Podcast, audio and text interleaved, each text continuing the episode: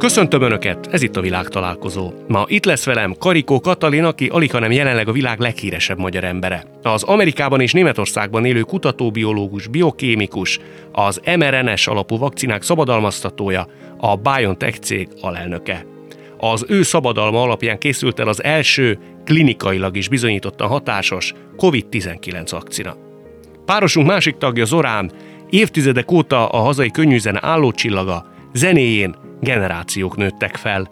A Metro zenekar sikere után szóló karrierjében is töretlenül népszerű. Ha nem szól közbe egy világjárvány minden bizonyal, az idei sokadik koncertjén lenne túl. Családi veszteségei után boldog házasságban él feleségével, Hegyi Barbarával.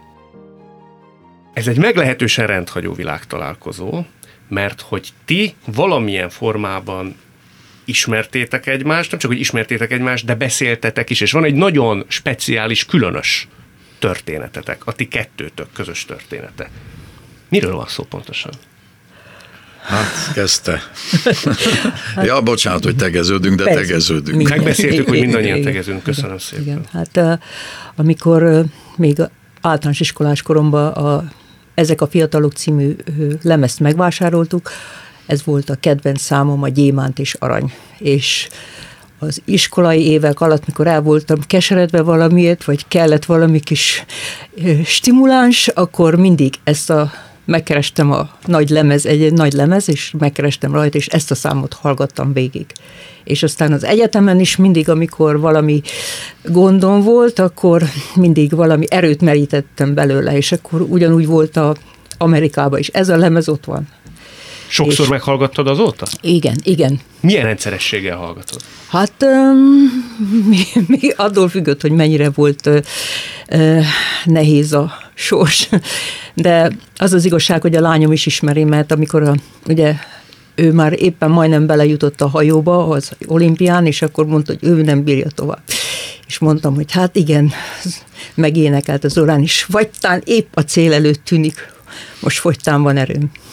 Ja, ez a dalszöveg. És te mégis tovább mész. Uh-huh. Mert hogy nem mondjuk is, lányok nem, kétszeres olimpiai bajnok, uh-huh. evező olimpiai igen, bajnok, Francia igen. Zsuzsa. Látod, nem is tudom elmondani ezt, anélkül, hogy majdnem elsírom maga. Ha csak erre gondolsz a dalszövegre, már egy kicsit meghatott. Igen. Sokszor kellett, hogy segítsen? Igen. Milyen helyzetben?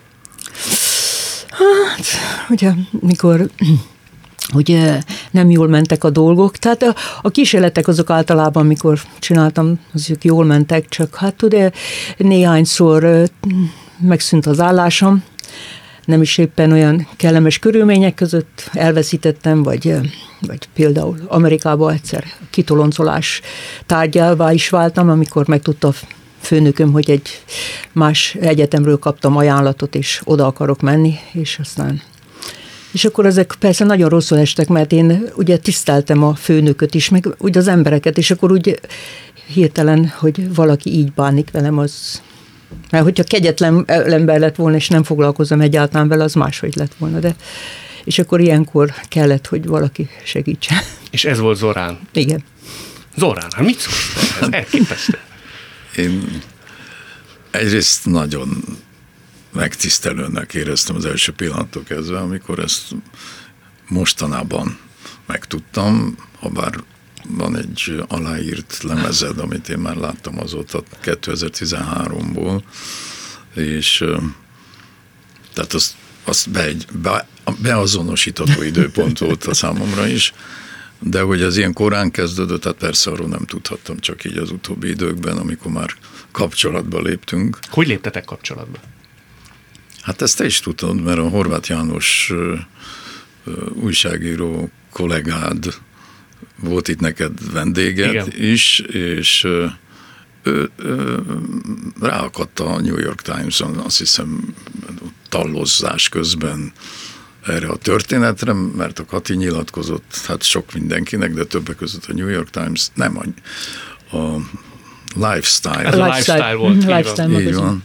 De aztán később volt New York Times-os um, interjúd is. Mindegy, szinte szóval minden volt. Igen.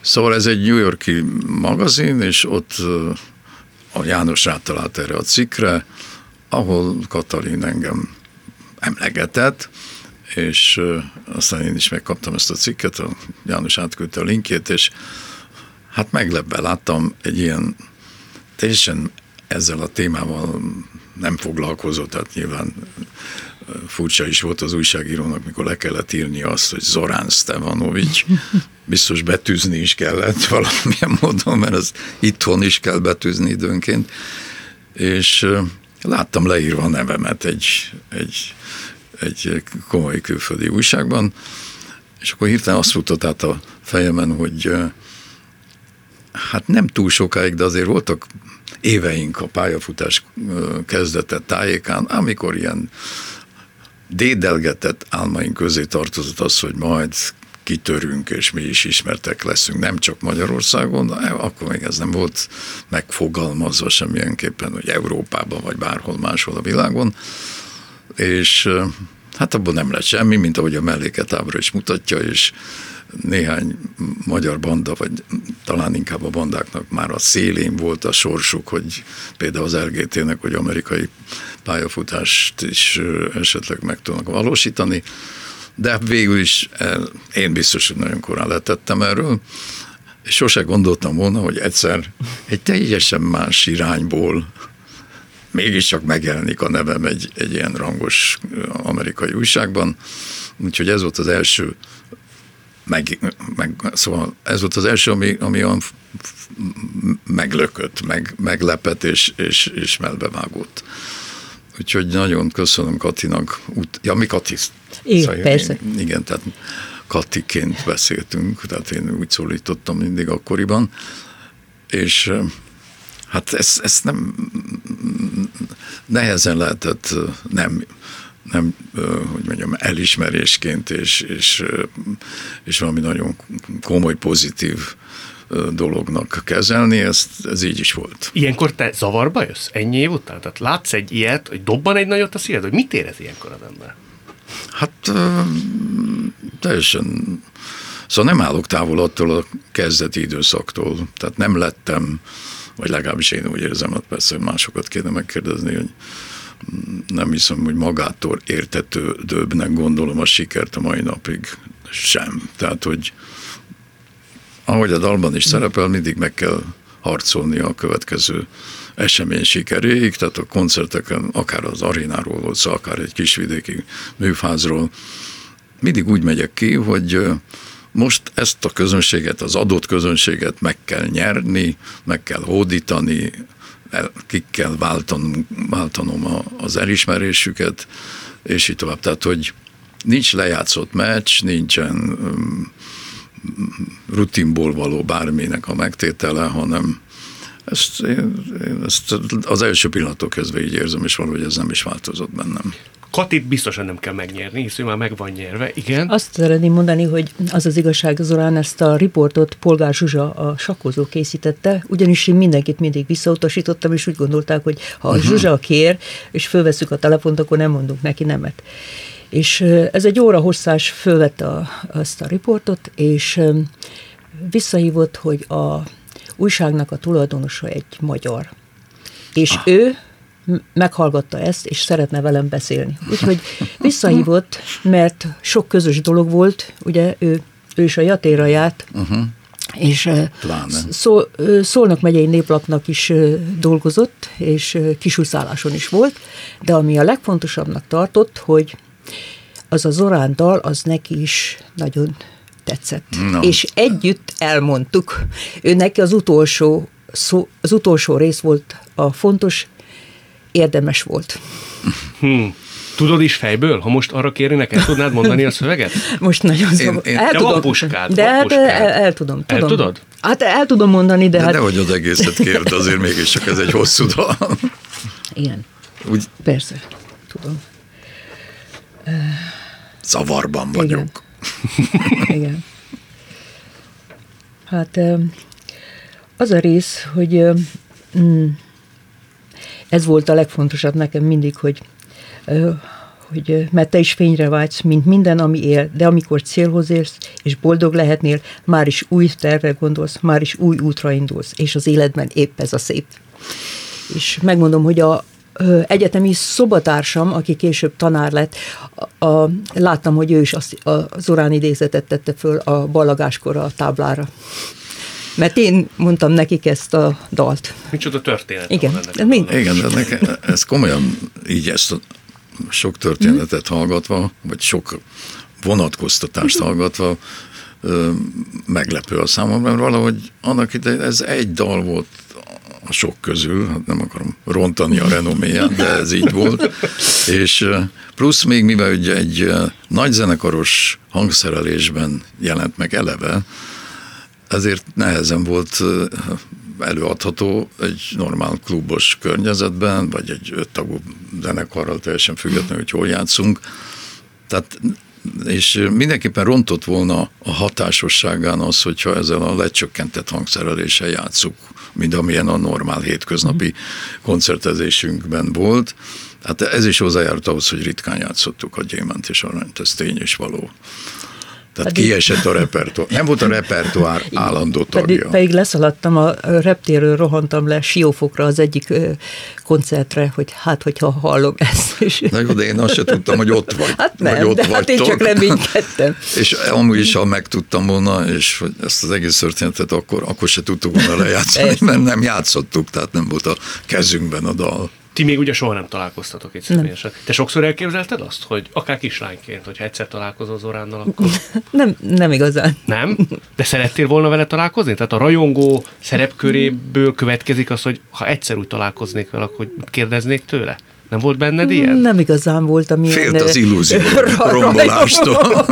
nem voltam ilyen sztár rajongó típus, hogy gyűjtöm a fényképet, vagy, vagy Ez valami nekem után így. külön imponál, mert mindig némi ilyen legyintéssel bírják elintézni kívülállók azt, Mhm. hogy rajongás, és akkor persze a hülye kis csajok, meg a, már bocsánat, nem néz, nem, nem személyeskedve mondom. Tehát, hogy, hogy ha van ennek, ennek egy ilyen komoly háttere, vagy komolyabbnak mondható háttere, az, az mindig egy plusz valami, ami jól esik az embernek, mert, mert van neki valamilyen filozófiája, hogy úgy mondjam, és nem pedig egyszerűen csak egy első hallásra megtetszett és viszontlátás. Hát micsoda történet. Ja. De az az igazság, hogy más magyar énekeseket is hallgattam. És a Máté Pétert például a lányom már kívülről tudja meg karácsonykor, mindig, nem tudom miért, akkor csak fölrakom. Vagy szilveszterkor például végighallgatom a magyar énekeseket. Tehát én ugyanúgy szerettem a Kovács Katit, a Koncsuzsát, meg a Zalatnait is, mindjárt jókat. Ez- Szeretném is, ha egyszer mind a hárman újra énekelnének. Nem baj, hogy már nem úgy szól a hangjuk, csak... Már a Kovács Kati konzalatnai hármasra gondolsz Igen, most. mert hogy ugye nem állnak össze hárman, de milyen jó lenne. Legalább nekünk a korosztályunknak mutatnánk, hogy oké, okay, hát itt vagyunk, és együtt énekelünk, és valami, valamiben legalább összetartaná az ország. Ne politizáljunk, Így megbeszéltük. Ez politika? Nem, Nem, csak- nem. Csak direkt viccből mondtam. De hogy milyen jó lenne, nem? Hát persze. Hát az összefogás, Hát persze. van, van egy szilveszteri műsora fönt a YouTube-on, és hát az nem is tudom melyik szilveszteri műsor volt még ö, 30 valahány éve, és rajta vagytok minnyájan. Annyi arcismerős egy annyi arcismerős, Így van. Mindenki. Mindenki ott volt. Hát az olyan, olyan Elképesztően szívmelengető. bájos, így van. Az nekem mindenki. megvan az a felvétel, és, és igaz, ami igaz időnként ráakadok, és akkor nagyon szívesen végignézem. Én is. Pedig Az egy dream. hány éve. Igen. Az egy dream team. És milyen szerencsések vagyunk, hogy ilyen énekesek voltak, ugye? Hát lehet, hogy most is vannak, csak nem tudok róluk. Neked ez mindig fontos volt, hogy Amerikában, Németországban ennyi idő távlatából is magyar zenét hallgass? A magyar identitásod az mindig a szemed előtt lebegett, hogy azt őrizni kell? Úgy, úgy nem tudatosan, de az az igazság, hogy Michael Jackson nem hallgattam sosem, meg a többieket sem. Mhm. Az az igazság, semmilyen külföldi énekes nem hallgattam. De és tökéletesen beszélsz magyarul. Ez, Hát, ez, ez rögtön észrevettem Hát az azért első ugye a- pillanattól kezdve, de, hát de a, azért egy, ez, mert kintész már jó pár éve, tehát bőven előfordul a, az ugyancsak jó pár éve kint élők körében az, hogy nem biztosan jó beszélni magyar. hát azért, azért ennyire nem ment el. Ugye a férjem is magyar, és hát a munkatársaim Hát otthon- között is. Otthon magyarul beszél. Magyarul mondjuk azért belecsúszik egy-két angol szó, amikor nem is használtuk azt a szót van Magyarországon. A szerb nyelven is pontosan így van, hogyha ha zenéről van szó, akkor azt nem tudom a Dusánnal megbeszélni szerbül például. Csak, Csak magyarul? Igen. És amúgy véget ér a zenei tematika, onnantól kezdve váltotok szerve. De úgy tudunk váltani, hogy senki nem veszi észre, észre kettőnk közül, hogy váltottunk. Tehát az csak egy kívülálló bírná észrevenni.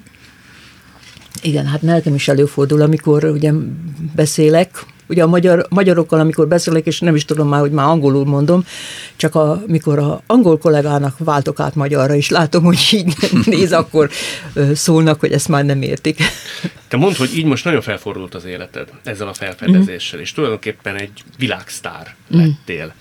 Uh, nagyon pokolba kívánod néha ezt az egész felhajtást? Mert szerintem te az a típus vagy, aki nem szereti magát valamiért ünnepeltetni, nem?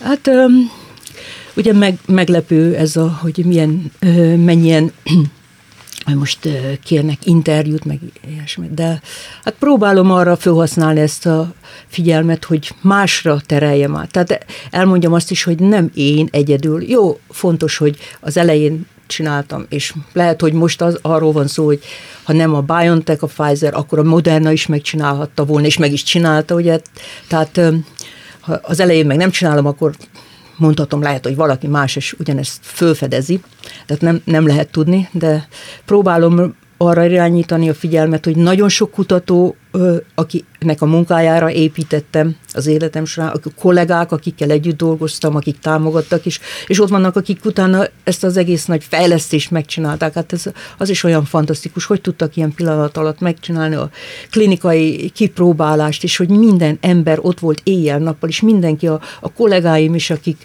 akik az anyukája merrákkal ott volt, az anyukája küldte, menj fiam, menj vissza.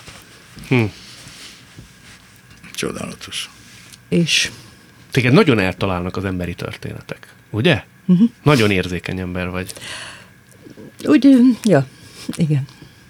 Azt igen. hallottam, hogy ha nem a gyógyítással töltötted az időd, már fiatalon is, akkor azt szinte időpocsékolásnak érezted. De mindig az volt benned, hogy Neked gyógyítanod kell, segíteni az embereken. Hát mondjuk nem annyira tudatosan volt ez inkább, hogy nem olvastam a különböző tudományos cikkeket, és készült, készültem a kísérleteket, kísérletekről olvastam, tehát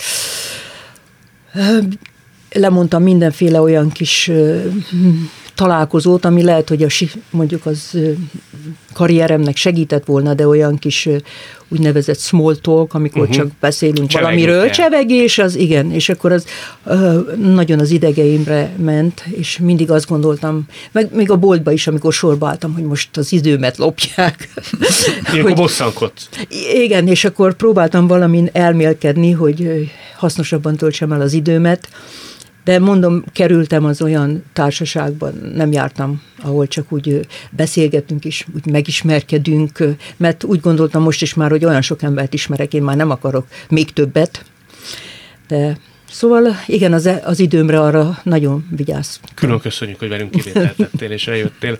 De azt meg tudod nekem fogalmazni, hogy hogy alakul ki egy gyerekbe, egy fiatal lányba, vagy egy fiatal asszonyba, hogy ilyen megáltalkodottan akarjon segíteni nem, nem igazán tudom, hogy, hogy ez látod, hogy jön létre. Hogy... Láttad magad előtt azt, hogy, hogy neked van egy küldetésed? Nem, nem vagyok én semmilyen ilyen különleges, különleges ember. Azt láttam, hogy a szüleim is dolgoznak, szorgalmasak, és én is próbáltam gyerekkoromban is segíteni, a testvéremmel együtt, és hát tanultunk, mert hát az volt a dolgunk szorgalmasan, és Hát ugye megvolt az, hogy egy kicsit há, mindig há, hátrányos helyzetben voltam. Ugye, Miért? Hát mondjuk az első, általános első osztályban is ugye, nagyon sokan kitűnők voltak, én 4,0 voltam, és mondjuk a, hm. az egyetemre mentem, akkor ugye már mások vagy kémia szakosak voltak, vagy angolul beszéltek, és akkor ugye én 18 évesen tanultam, hogy ugye ez a fal, ez meg a mennyezet, és akkor ugye mindig be kellett hoznom. Tehát soha nem tudtam így hátradőlni. És aztán persze úgy belerendültem mindig, hogy aztán lehet, hogy az is, aki többet tudott, akkor hirtelen majd én. Például egy egész nyarat bezárkózva az Alexander könyvvel töltöttem, és Magnóval, és, és akkor egy két hónap alatt megtanultam ott nyáron, otthon, kisúszálláson angolul. Tehát éreztél egy lemaradást, Én. és úgy érezted, hogy neked ez egy rakéta, és be kell hoznod ezt igen, a lemaradást. Igen, így volt. Ez volt mindig a hajtóerő. Igen, igen, ez benne volt, hogy mindig uh, utolérni a többieket. Aztán lehet, hogy nagyobb sebességgel mentem, és aztán igen. És hát ezért aztán mondjuk népköztársaság összöndíjas lettem, és három éven át ez, ez nagy szó volt a jatin. Úgyhogy aztán így igyekeztem. És hát sikerült. Hát annyira lendületbe tudtál jönni, hogy végül is le, lekörözted a többieket. Észrevétlenül szinte. Hát, hogyha azok visszaültek, de hogyha Igen. azok is haladtak, akkor. Hát gondolom, de, csak... Ja. Hát már a középiskolában is a tanárom, a biológia tanárom, dr. Tóth Albert, hát az olyan nagy tudással volt, és tudom, hogy ez mennyire inspirált engem, hogy, hogy annyit tudjak, mint ő. Uh-huh. Az, az, az nagyon. A Selje János is olyan volt, amit ugye a könyvet a kezembe adta a tanárom, és hát a Selje János az volt, aki mondta, hogy koncentrálni kell arra, amin változtatni tudunk, és amin nem, meg arra ne fecséreljük az És azt hogy kell csinálni? Van erre egy ilyen karikó módszer? Már hát se, Selje módszer volt ez, hogy, és ekkor ezt elolvastuk, írtunk Seljének levelet, és hát ugye aztán 35 évvel később mentem egy konferenciára, és ott volt fönt a fénykép, és az egész estet neki Róla szentelték, szól. hogy a seje, ugye, hogy, hogy fedezte fel a, a stresszt, és hogy ez uh-huh. hogyan befolyásol, és akkor minden az volt, hogy hát ezt már középiskolán írtunk is neki levelet, és válaszolt is rá. De azt meg kellett neked tanulnod, hogy mi az, ami fontos, és mi az, ami nem, és ezt el kell tudjad választani? Hát, hogy amint tudok, amint tudok változtatni, az, az arra koncentráljak, és amin nem tudok, nem tudok egy másik embert megváltoztatni, a másik ember véleményét nem bírom hogy most ő szeresen, ha engem nem szeret. Most, hogy nem tudom. És Tehát, ezt el is tudod engedni, ezt a részt? Nem foglalkozol vele? Tehát elengeded? I- igen, igen. Ez, ez volt jó, a, a, miért tudtam a pályámon is maradni, Amerikába is, hogy, hogy ha valaki dolgokat mondott, nem engedtem meg azt, hogy más definiáljon, tehát hiába mondta valaki, hogy én ha mondjuk, hogy hülye vagyok. Én tudtam, hogy nem, tudtam, hogy amit csinálok, az fontos, és így ez így megmaradt bennem. Nem hagytam, hogy már. Ugyanúgy, ugyanúgy most is, ha azt mondják, hogy én egy hős vagyok, én nem, nem vagyok hős. Számomra azok az emberek, azok az egészségügyi dolgozók, orvosok, ápolók, takarítók, akik bementek azokba a szobákba, ahol a betegek voltak, akik a koronás betegek voltak, akkor, amikor nem voltak vakcina, megvakcinálva és ők az életüket kockáztatták, ők a, ők a hősök. Én csak szórakoztam a laboratóriumban. Mindannyiunk örömére. Zorán Homár említette a szüleit, Kati. Én annak idején olvastam Bakács Tibor önéletrajzi könyvét, uh-huh.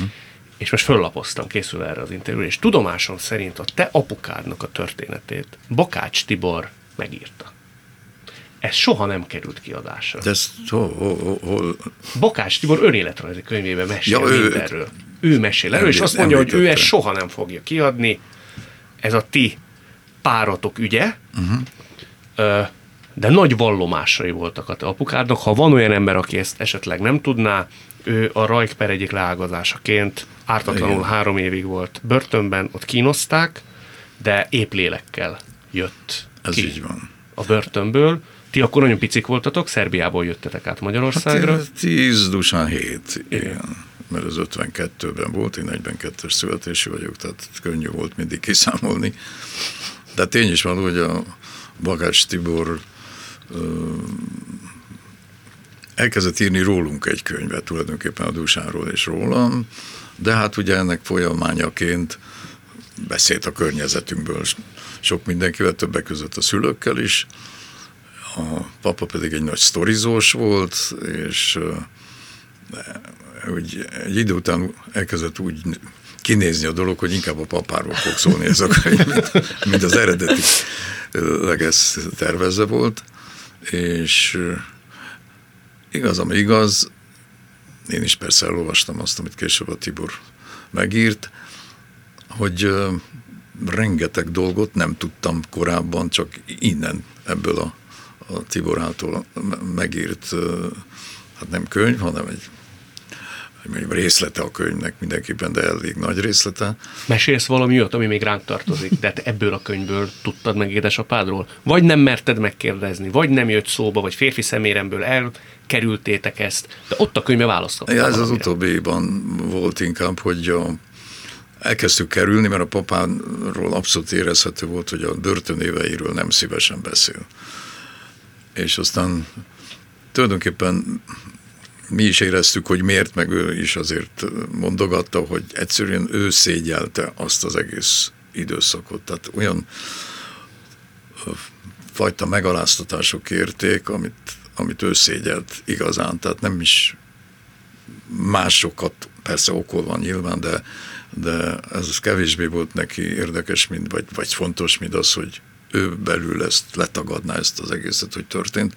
Nagyon jellemző volt erre a erre a gondolkodására az, hogy nem sokkal a börtönbe való kiutás után egy nem túl sok embert éppen, tehát egy villamoson összeakadt egy volt távos tisztel, akkor már nem volt az, aki a kínzóik egyike volt. És látod, szögbe volt teljesen, tehát észrevették egymást, és a papa a következő állomáson leszállt a villamosról. Tehát nem ment oda, hogy emberek, ez itt egy gyilkos, és verjük agyon, ami persze túlzás lett volna nyilván, de, de ezt a szégyen érzetet illusztrálandó mesélte ezt el, hogy például akkor ő nem csinál, nem tudott más tenni, mint hogy leszállni a villamosról. Miközben belül valószínűleg forrongott, hisz hát az ember nyilvánvalóan nem egy pillanat alatt sok minden előjött benne, és amúgy sem volt még túl sok ideje szabadlábon. És azt lehet tudni, hogy miért nem adtátok ki ezt a könyvet? Mert szerintem sokakat érdekel. Egyfelől egy generáció könyve, a tiétek, másfelől meg azért annak a kornak is egy nagyon de, éles lenyomat. Bocsánat, de nem fogok tudni erről beszélni, mert a Tiborral meg, megbeszéltük, hogy amennyit ő akar, addig annyit mond el a könyvről. Van olyan kérdés, amire nem kaptál választ édesapáddal kapcsolatban, és sajnos már nem tudott tőle megkérdezni? Hát sajnos sok, igen, mert uh, agyvérzésben halt meg, tehát hirtelen, és, és még rengeteg kérdés maradt bennünk, ezt a Dusánnal is többször emlegettük azóta, mert ő se tud válaszokat azokra a kérdésekre, amiket nyilván közösen kérdeztük volna. Bánod, hogy nem kérdeztél? Nem hát, kérdeztettek, hogy nem voltatok bátrabbak? Nagyon. Ez, ez egy örök hiányérzetet hagyott bennem. Hát Dusánban is nem akarok helyette nyilatkozni, de biztos, hogy ő is így van ezzel. Tudod, hogy miért nem kérdeztetek? Tehát van erre valami magyarázat? Azt egyszerűen akkor pont nem volt téma. Ezt, ezt nem tudom megbocsájtani magamnak, hogy nem szisztematikusan kérdeztem ki a papát sok mindenről, de mondom, végig bennünk volt az az érzés, hogy mm. ráérünk még, tehát nincs semmi sürgető, és hát egy agyvérzést nyilván nem lehet beleprognosztizálni a történetben. Ez itt továbbra is a világtalálkozó Karikó Katalinnal és Zoránnal. Ha már asszimiláció került szóba, Kati, amikor te kimentél Amerikába, akkor te mibe bíztál tulajdonképpen? A tehetségedbe, a szerencsédbe, a megszállottságodba, 85-ben egy más országba szerencsét próbálni, úgy, hogy Magyarországon tulajdonképpen elfogy az ember körül a levegőben, nem kecsegteti túl sok lehetőség, azért az elég nagy bátorságra van, nem?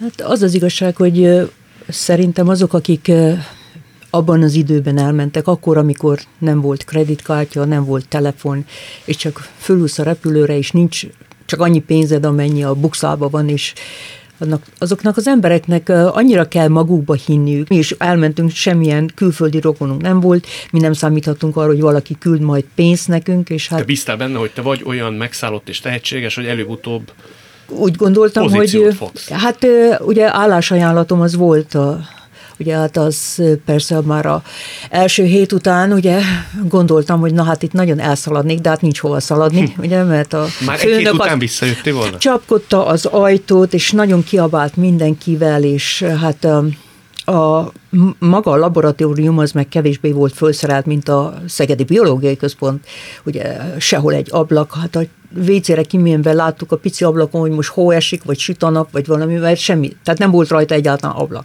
Ha tudtál volna, lehet, hogy visszajössz? Hát biztosan, hát a legtöbb magyar is mondta ezt, csak hát ugye nem lehet akkor nagyon repülőjegyünk se volt. Vagyunk 85.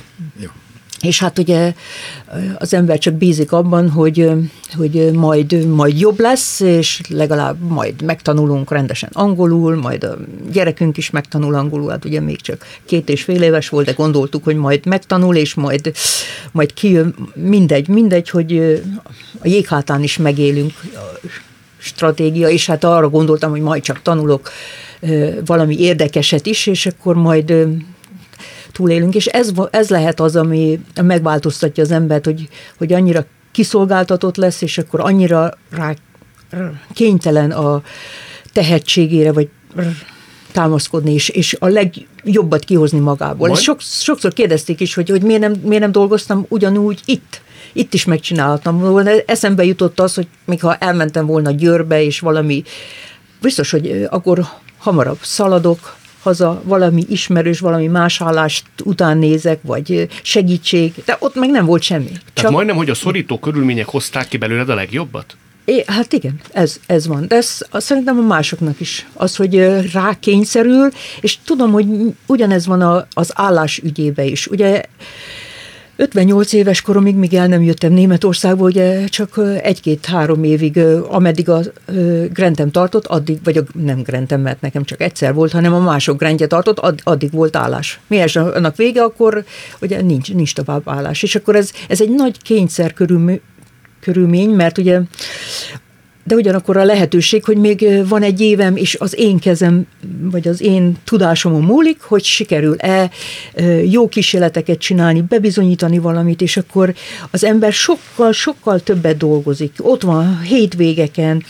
kényszerítő, de ugyanakkor élvezni is kell. Én is kérdezhetek? Sőt, sőt. Hogy hol, tudod, hogy hol volt az a váltás, vagy valami újdonság, vagy technológiai továbblépés, mm-hmm. vagy bármi, ami ugyanazt a ö, folyamatot, amit korábban nem sikerült végigcsinálni, egyszer csak meg lehetett tenni, ha jól emlékszem, a sejtbe való bejutatás kérdéset. Ez hol, hol lett az áttörés? Hát ö, éppen Betesdába, ahova végül a templéről elmenekültem, mert ott tudtam, hogy a főnök az mm. ellenlábas az én főnökömnek, ugye ajánló levél nélkül nem lehetett volna Amerikába más mm. állást találni, és, és oda elmentem, és ott egyszer a laboratóriumban besétált egy srác, és mondta, hogy lipofektint beta tesztre hoztak, ez valami beviszi a nukleinsavat és hát oda rohantam egyből, ennekem ez kell. Hmm, mert ugye már a Duda... bekattant. Igen, hogy er, már a Duda Ernőjék... Hogy ez arra a... is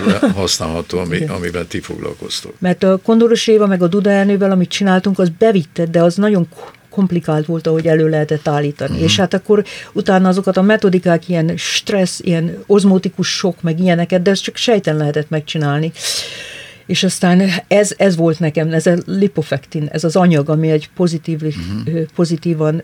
Ami addig nem tartott. került a látóteretekbe egyáltalán. Így van, de akkor, akkor ott fejtlesztették egyébként Betesdába, uh-huh. és ez a srác besétált, ez egy véletlen volt, hogy tesztelni valaki, hát egyből oda rohantam, és hát le is teszteltem, a DNS-re kérték, de aztán vittem magammal, hogy ezt akkor most már meg tudjuk ez csinálni a, az rns Mi múlik a jókor lenni jó helyen? Mond Kati, ennek az eufóriáját, mm. katarzisát, te átérted? Tehát úgy belül azt, hogy megvan, megcsináltam. Már most, hogy a vakcina, vagy igen, egész... akár a vakcina, akár az áttörés része, amikor megtörtént. Meg tudtad te úgy magadba ezt ünnepelni?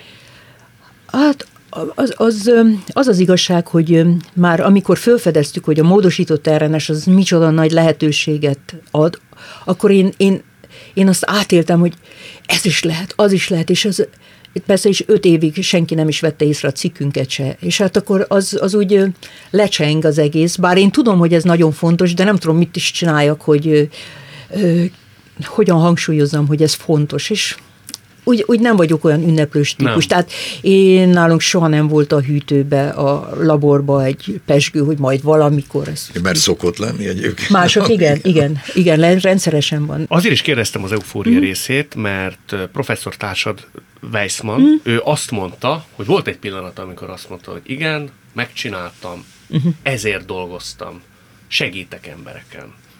Hogy neked üres pillanataidban, vagy egy-egy üres másodpercedben volt olyan érzés, amikor úgy elgondolkodtál rajta, hogy amit ti megcsináltatok, az a világ történését, de lehet, hogy a világ történelemnek a folyását meg tudta, vagy meg tudja változtatni? Hogy azért ez mekkora jelentőségű dolog? Tudatában van ennek az ember? Én, én olvasom, olvasom, hogy most milyen sor, sorokba kerülek bele. Ez megrémiszti az embert egy picit, megnyugtatja, vagy, vagy mit kezd vele? Ha csak nézem, Jézusom, hát Jézusom, meg ilyenek, nem tudom, csak úgy nagyon meglepődök meg, hát más díjakat is, amit megint hát még nem publikus. Nobel-díjat emlegetnek vele kapcsolatban. Hát igen, de ez nem tudós, olyan, mint hogyha néha, mint hogyha mint a mással történne, és csak én olyan külső szemlélő vagyok. Hát igen, ma is kaptam egy díjat. Oh, ma is kaptam. Jó, már így És kezeli az ember? Hát, hogy, hogy hogy úgy nem is tudom, olyan meglepve nézek. Nagyon, nagyon megköszönök mindent. És hát nagyon értékelem. De ugyanakkor ö, 40 évig megvoltam anélkül is. Tehát nem fog ez úgy megváltozni, ó, én most valaki vagyok, de hogy is hát ugyanúgy csinálom. Igen, Mert de- már is a új tervre gondolok. Amit Zorán Igen. Viszont úgy tudom, hogy ha a te édesanyád mindig azt mondogatta, hogy te Nobel-díjat fogsz kapni, mindig mondta. Várta szinte Ne- az őszit. De ő azt várta, hogy meghallgatom, mert hát, ha te kapsz, így mondta. És hát én megmondtam, hogy még egy pályázatot se tudok megnyerni. Te fiam, te annyit dolgozol. És hát mondtam, hát anyuka, mindenki annyit dolgozik. A többi kutató is ugyanúgy csinálja, és most is nagyon-nagyon sok kutató van, aki olyan, mint én. Ugyanúgy megszállottként dolgozik. Hát amikor hétvégeken, szombat, vasárnap is bent voltunk az egyetemen, és már el is fogyott a jég, mert majd annyian voltak bent, ugye a jégre tesszük a mintákat, Igen. és, és akkor hát más is, más is ugyanolyan lelkesen csinálja, és hát ö, ö, ugye a az e, férnek vagy feleségnek nehéz, hogyha nem érti meg, hogy milyen egy ilyen jellegű állás, és hát a múltkor már egy kérést kaptam az egyik magyar, ö, Amerikába élő magyar kollégától, hogy hívjam már föl a feleségét, és köszönjem meg neki. Ezt te, nem tudom, ismeritek-e, csak annak a kontrájaként jutott eszembe. Gibi Show-nak van egy, hát sok-sok mondása közül az egyik, amelyik azt mondja, ha valaki vissza akar utasítani egy díjat, azt nem illik. Úgy kell élni, hogy ne kaphass meg. De ez is igaz, hogy úgy kell élni, hogy megkaphass. Tehát ez a mama, mama mamára gondolva mondom, hogy ő mindent megtett azért, hogy te úgy éljél, hogy megkaphass. Igen. És ha megkapod, ő ezt már nem érheti meg, ugye? Ő már Nem. nincs. Mhm. Igen, meghalt két évvel ezelőtt a mama. De mondom, ez a díjra is ugyanúgy gondolok, hogy én azt nem tudom befolyásolni. Valakik, ha szavaznak, ugyanígy januárban lezárult a szavazás. Tehát a, A Nobel-díjra? Igen. Tehát ha akkor szavaztak, valaki fölterjesztett, én azt nem tudom befolyásolni, és az, hogy most majd mit döntenek, meg milyen... Nem is gondolsz rá? Soha, Nem, hogy nem. megkapom, nem kapom? Ennyire, ez ennyire távoli. Nem tudom, hát ö, levelet is kaptam ugye az SBK-ból is, hogy, hogy én ott vagyok, ahogy minden kutató álmodik. Én nem álmodtam. Én mikor elkezdtem kutatni, én nem álmodtam arról, hogy majd egy nap majd én valamilyen díjat kapok. Ugyanúgy, mint nem álmodtam arról, hogy Amerikába menjek. Megmondom őszintén, nem. Mások úgy beszéltek arról, hogy ó, itt van különböző helyeken, ilyen jó hely, olyan jó hely, meg Németországban is. Engem nem érdekelt. Én nagyon jól meg voltam ott. Azért kíváncsi lennék, hogy, hogy létezette a történelem folyamán va- olyan Nobel-díjas például, van már itt, itt tartunk, aki, aki úgy dolgozott napról napra, hogy én ezt azért csinálom így, mert Nobel-díjat akarok Nem. kapni. Tehát majdnem Biztos nem. mindenkinél úgy van, hogy csinálom, csinálom, csinálom, aztán bepottyan egy Nobel-díj, az sem De. olyan nagy baj. Ha te az adófizetők pénzét használod, és valami miatt egy nemzeti ö, emergency. Vészhelyzet Nem. alakult. Nemzeti vészhelyzet van, akkor azoknak az adófizetőknek szükségük van a te ö, szabadalmadra, és az szabadon föl lehet használni. Tehát Azt vissza kell adni. Tehát nincs semmi, semmi jogi ö, egyéb kötelezettség, és én ezt nagyon helyeslem. Én, ha én rajtam múlna, tessék bárki használja. Én, Mhm. uh-huh. ugye nem én kapom a, nem én lettem milliárdos, nem kerültem föl a, a Forbes listára. lista. És hát ugye é, mi egy, eredetileg is azt akartuk, hogy mindenki hozzáférjen és használja. Tehát a ez egy jó- szándék eleve nemes volt. Igen, hát Igen. Azért nem minden tudós gondolkodik szerintem így. Én úgy tudom, hogy az anyagi jutalom sem áll sokaktól távol, vagy legalábbis a haszonszerzés ezen része, de nekem ez nagyon szimpatikus, hogy neked ez sokadrangú szempont. Igen, hát eh, ha én azt mondom, hogy 40 évig dolgoztam, és azt mondom, hogy azért, hogy gazdag legyek, hát ugye hát a, megemlítették egyszer ugye a fizetésemet, a, amit a férjem mondott, tehát nem, nem egy dollár volt, ő csak mondta, hogy olyan Hogy órá- óránként, tehát hát, annyit dolgoztál, hogy óránként egy dollár. Hát igen, de hát akkor az 8000 lett volna egy évben, azért annál többet keresnem, de mondjuk a, a fizetésem az mondjuk a mellettem do- dolgozó, vagy másnak dolgozó technikusoknak a fizetése körül volt, és hát én nem számítva az, hogy ugye én a hétvégén is ott voltam, ők meg nem, és hát ugye otthon is csak ezt csináltam. Csak arra mondta egyszer, hogy a minimálbért se kapnám meg. De, de ez nem is, nem is volt egyáltalán egy nem volt egy probléma. Tehát annyi, annyi volt, hogy, hogy jutott, amire kellett, és autónk, ugye most elmondom, még soha új autónk nem volt. Az autónk általában valami vontatóval jött, és akkor a férjem megcsinálta, kicserélte a motort benne, a lányom is, meg én is olyan autóval jártunk, hogy a férjem cserélte ki benne a motort. És hát ő csinálta a bútorainkat, meg tette a padlót, Ő a saját kezével. ami mindent, igen. Az apukája asztalos volt, és ő tudott bútorokat készíteni, ugyanakkor ő, ő a Déri Miksába végzett gépipariba, ő mindent meg tudott szerelni, alkatrészeket tudott készíteni, tehát mi minden, mindent megoldottunk magunk. De nyugtass meg, hogy az utóbbi időkben azért ez már megváltozott, tehát az anyagi jutalom azért megérkezett a felfedezésnek köszönhetően. Tehát egy picit most már máshogy van berendezve az életetek, mint mondjuk 6-7 évvel ezelőtt, vagy 10. Hát mondjuk a, a, a mi patent, a mi szabadalmunkat, amit ugye az egyetem végül is nem a mi cégünknek adott, hanem egy ilyen kis kitteket készítő cégnek adott, és az a cégnek a tulajdonosa továbbadta, és tovább meg tovább ment, tehát ugye attól visszafele csorog valamennyi összeg, és hát nyilván tudnánk autót venni. De most aztán ugye az ember hozzászokik ahhoz, hogy az nem kell izgulni, hogy valaki megharcolja, úgyhogy aztán jobb, hogyha nincs is jó, új autó. Aztán, de ugyanúgy dolgozunk, a férjem ugyanúgy elmegy minden nap, hogy lakótelepen dolgozik, és ott ö, ö, menedzsel ö, a fűtés, a melegvízszolgáltatást, az ugye ott több ezer lakóegység van, és ott dolgozik, olyan, mintha nem történt volna semmi sem. Tehát a következő parkettát is ő fogja letenni a két kezével. Hát szerintem. biztosan, mert ha más tenné le, azt újra fölszedni, mert az nem jól van. Úgyhogy egy ilyen, ilyen, ez ilyen, van benne egy ilyen is. Ugyanis az volt, hogy a füvet is, majd az volt, hogy valaki más vágja le, és ő szerinte az nem jól csinálta. Szóval végül is az van, hogy minden, csak ő tudja jól megcsinálni. Ő is, mint te, csak magába bízik. Zorán, hogy kérdezzek egy személyeset? Ha már itt arról Eddig beszélget... nem. De, de, de, de. Ha már itt a nehézségekről beszéltünk, és nem is ennek a részletei érdekelnének, inkább a színpadra lépés és a művészi létnek ezen aspektusa, hogy amikor te elvesztetted a második feleségedet, akkor megfordul-e az egy művész fejébe, hogy fogok, tudok-e én még úgy énekelni, mint előtte. Egy ilyen tragédia nyomán. Egyáltalán, hogy észreveszik-e majd azt, ami bennem dúl, vagy dúlt. Annyira személyesek és lirikusak a te dalaid és a te előadásmódod, hogy én biztos vagyok benne, hogy, hogy egy művészben ilyen kérdések föl kellene, hogy merüljenek, nem? Nem tudom neked ezt igazán jól visszaidézni, de mondok egy másik példát, amikor a papa már kórházban volt az agyvérzéssel, és már nem is tudtunk vele beszélni, akkor nagyon sokszor koncert közben eszembe jutott, hogy hogy fogom én elénekelni az Apám hitte című dalt, amit Dusán, meg én is, meg a Presser Gábor konkrétan róla írtunk, tehát ő volt a, a példája, vagy a, akiről szólt a dal.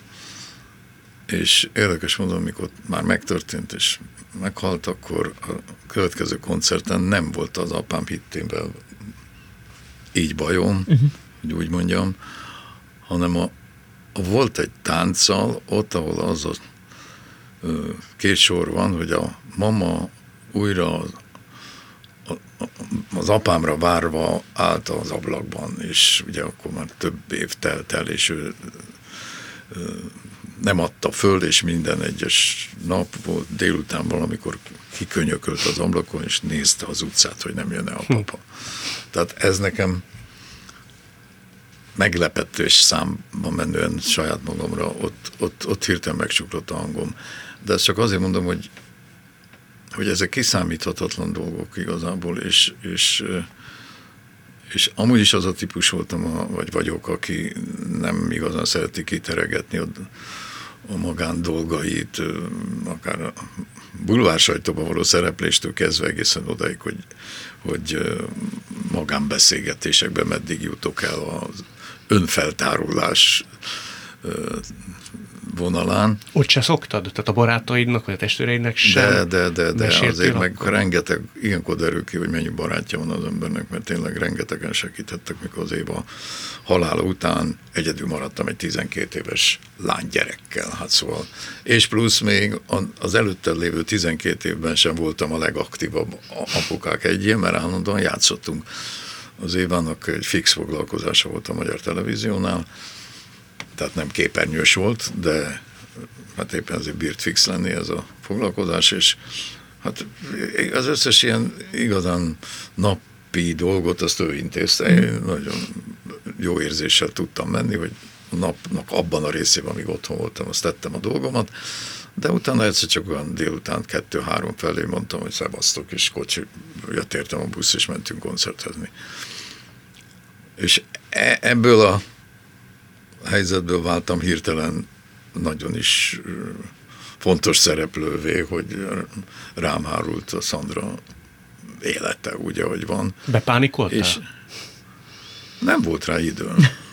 Tehát itt nem volt mese, és rengeteg barát jött elő. Tehát olyanok, akik ritkábban találkoztunk kezdve, olyanok, akik az éva legjobb barátnői voltak, és ott álltak, rengeteget segítettek, és vették le a vállamról, úgyhogy tudjak tovább dolgozni, ezt mindenki nagyon fontosnak tartotta a környezetemben, hogy nem bezárulni, nem elvonulni, nem, szóval menni a koncertekre is. Lett volna ilyen szándékod is? Tehát volt olyan pillanat, mikor azt mondtad, hogy jó, most fél évig én sehol nem megyek, tehát maradok. Nem, hát volt, egyrészt volt időm fölkészülni, mert, a, mert az utolsó fázis az nagyon egyértelmű volt, hogy itt nincs menekvés, mármint az éva betegségét illetően és másrészt meg a,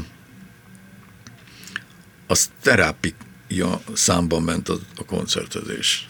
Tehát az, az, hogy egyszer csak mm, és ki kell menni a takarásból a színpadra ki, ki, kiülni, mert én már akkor már bőven ülve játszottam, tehát a, és elkezdeni a jó estét kívánomtól kezdve a, a dalok, és, és, és egy nagy része a daloknak nem volt szomorú dal, tehát vidámnak is kellett lenni elvileg. Tehát, és nagyon jól esett az, hogy a közönség ezt érzékelte, és, és nagyon tiszteltem, becsültem a közönséget, hogy senki, tehát amikor jöttek autogramért utána, vagy stb. Még az részvénynyilvánítást sem nagyon mondogatták, mert, mert tudták, hogy azzal valamit föl porzsolnak, vagy valami ilyesmi. Tehát, tehát azt akarom összességben mondani, hogy rengeteg segítségem volt, és éppen ezért jobban át tudtam vészelni a, azt, ezt a korszakot. Ha most lejátszanánk két Zorándalt, az egyiket a tragédia következtében énekelted, vagy utána pár évvel, egy évvel, és mondjuk tíz évvel ezelőtt, te meg tudnád különböztetni azt, hogy mikor melyik szólt? Tehát, hogy valahogy máshogy fénylik az ember hangja. Más gombot nyom meg magán, mikor azt énekli, de lehet, hogy ezt most misztifikálod, de... de... de nem misztifikálod, csak uh, például az egyik uh, hatása a, az Éva halálának az volt, hogy nem akartam hogy dal szóljon, tehát hogy a következő lemezen nem akartam, hogy legyen egy olyan dal, ami arról szól, hogy én elvesztettem a feleségemet. És akkor a Dusán meg a Gábor, sőt, a Gábornak volt egy saját szerzeménye, saját szövegé. Presser Gábornak. Presser Gábornak, hogy ahol ahol jó volt, ott voltál. És akkor e körül ment az egész dal, és az még mindig megborzongok, ha rágondolok erre a dalra, mert, mert ez szólt az Éváról, de, de nem volt semmi módon se kimondva, se tehát aki uh-huh. akarta, megértette, aki nem, azt nem gondolt rá, de akkor is egy olyan dal volt, ami jó volt, és énekelni is jó volt, és nem, nem lógott ki a sorból ilyen szempontból. Még tulajdonképpen Presser és Dusán is úgy adta eléd ezt a dalt, hogy nem mondta azt, hogy az a sor mire utal? Tehát ez ilyen néma játék volt köztetek? Igen. Igen, ez szóval ne, nem volt kidumálva, hogy mondani szoktuk a történet. Én kellő komolysággal mondtam, hogy köszönöm. Körülbelül ez volt a És mindenki tudta, miről van szó. Igen. Persze. Te, és ilyenkor az ember arra gondol, hogy neki a büdös életbe többet nem lesz társa? Tehát annyira bele tud feledkezni egy ilyen feneketlen, méretetlen nagy bánatba? nem vagyok ennyire romantikus típus, vagy hogy is. Romantikus típus vagyok alapvetően, de nem, szóval nem manifestálódik ez ilyen formában, hogy jaj, akkor én most olyan tragédiát éltem meg, hogy akkor én nekem biztos nem lesz már senki többet az életemben. Nem is így értünk az Évával, tehát azt nyugodtan merem mondani, hogy tehát valahogy egyenesebben, vagy, vagy, vagy normálisabban, vagy tehát az ő betegségének a kiderülésétől kezdve három év telt el a haláláig, abból az első egy-másfél, egyébként voltunk Rochesterben, a Mayo klinikától uh-huh. kezdve mindenhol, mindent kipróbáltunk tényleg, ami csak lehetett, és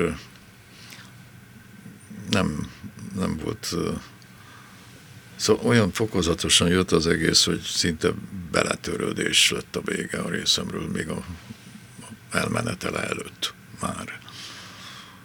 És a Szandra nagyon, a lányom az, azon kívül, hogy a barátok segítettek, ő is nagyon sokat segített, mert, mert ő meg a papát akarta instápolni, akinek ilyen, hogy meghalt a felesége, a mamája, a, tudom én, szóval egy nagyon jó szimbiózisba kerültünk mi ketten. A mai napig is így van, Istennek.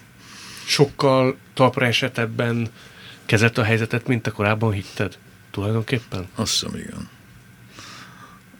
Hát az, azért mondom, a feladat, a feladat, ami hirtelen rám nehezedett ez a, lánygyár, lánygyermek felnevelésével kapcsolatosan, vagy tovább nevelésével kapcsolatosan, az mindent meghatározott, szóval ott ott nem volt mese, ahogy mondani szokták. Köszönöm, hogy mindenről beszéltünk. Nem szoktál róla, tudom. Kati, a te esetedben a gyógyítás, a kutatás, vagy a megszállottság, nem tudom, minek nevezzem, ez mindent felülír. Nemrég nyilatkoztat pár nappal ezelőtt, hogy azért sokszor még a, a kislányodnak az iskolába menetele is ö, tolódott, vagy máshogy alakult ennek köszönhetően. Van-e olyan területe az életnek, ami megközelítőleg akkora szenvedét és örömet okozott neked az életedbe, mint a kutatás? Van olyan? Hát Hát sok mindent nem próbáltam ki az életbe, úgyhogy, mert, mert ez foglalta le az időmet, és, és ez örömet meg örömet okozott, és ez volt a hobbim. Tehát, hogyha nekem megadatott, hogy na most anyák napja van, akkor rátettem három olyan cikket, amit nagyon régen szerettem volna elolvasni, és akkor azt mondtam, hogy na, most ezt ma elolvasom. Tehát most például a legnagyobb bánatom az, hogy ránézek egy-egy cikkre, és ott címe vagy a absztrakt alapján nagyon szeretném elolvasni, és úgy érzem, hogy lehet, hogy már soha nem tudom elolvasni, mert annyi, annyi más dolog jön közbe, és hát ez hiányzik a legjobban. Szabó Gábor kollégám, aki a Debrecenből jött oda a BioNTech-hez, ő orvos, kardiológus, és hát vele minden nap beszélek, és akkor ő követi, hogy a CDC uh, guide micsoda, hogy, hogy én is új, annak megfelelően tudjam a face, Facebookon válaszolni a aggódó hmm. szülőknek, aggódó... Mert hogy te mindenkinek válaszolsz. Aki téged megkeres Facebookon... Hát igen. Saját a, kezűleg. Igen, igen, hát azt én kezelem, és hát ugye aggódó szülők vannak, akiknek valamilyen probléma van a gyermekükkel, és akkor akarnak valamilyen választ, hogy tehát nem mondom, hogy adasd be ezt vagy azt, hanem megmondom, hogy mi a lehetőség, és hogy jelenleg mi, milyen adatok vonatkoznak arra, hogyha megkapja, ha nem kapja. Bárki meg megkereshet magyar, külföldi, te a közösségi oldaladon pár mondatba empátiát hát, és szaktudást tanúsítasz. Ha valaki aggódik, valaki miatt, azokra válaszolok. És ha valami interjút kér, azoknak pedig hát sajnálom, már nem jut idő. És remélem, hogy meg is bocsátják ezt. Igen kegybe volt te részesülve. Abszolút. Nem győzöm hangsúlyozni, nagyon megtisztelő. Ez, ez kivágandó, csak hogy Ezen ne hagyjuk. ja. Meddig vagy most itthon, május 27-én? Igen. Mész igen. vissza? Mikor vagy boldogabb, amikor landol a gép Ferihegyen, vagy amikor felszáll? Ja, egy csúnya kérdés. hát mind, mindegy, hogy hol landol, csak örülök, ha megérkezem. De az az igazság, hogy mikor Németországból ugye azért gyakrabban repültem, ötször, hatszor egy évbe, és akkor mikor ültem a gépen, mindig elgondoltam, hogy ah, ez volt az életem, és lehet, hogy le se szállok. Mindig végig gondoltam. Hogy ha esetleg lezuhanna a gép? Félsz a repülőgép? Nem félek, csak mindig elgondoltam, hogy oké, okay, és akkor ez, ez volt. Hmm. És úgy meg is nyugodtam. Meg is nyugodtam? Uh-huh. Hogy akkor, akkor minden rend? Ez, igen. De hát nem lesz. Ennyire tellett. Nagyon köszönöm, és külön megtisztelő, hogy mindezt én mutathattam be a hallgatóknak és a nézőknek. Karikó Katalint és Zoránt látták, hallották. Megtiszteltetek. Köszönjük köszönöm. a meghívást. Köszönjük szépen. Örültem, hogy találkoztunk. Én, én, én is nagyon köszönöm, hogy így végre össze, sikerült összetalálkoznunk tényleg. Eheti vendégpárosunk Karikó Katalin és Zorán volt. Világtalálkozónkat nem csak hallgathatják, de végig is nézhetik. Iménti beszélgetésünk hamarosan már látható lesz YouTube csatornámon is. A mai adás létrejöttében köszönöm Varholik Zoltán és Rózsa Egyi Gábor segítségét. Találkozunk jövő szombaton itt, a Klubrádióban. Viszont hallásra!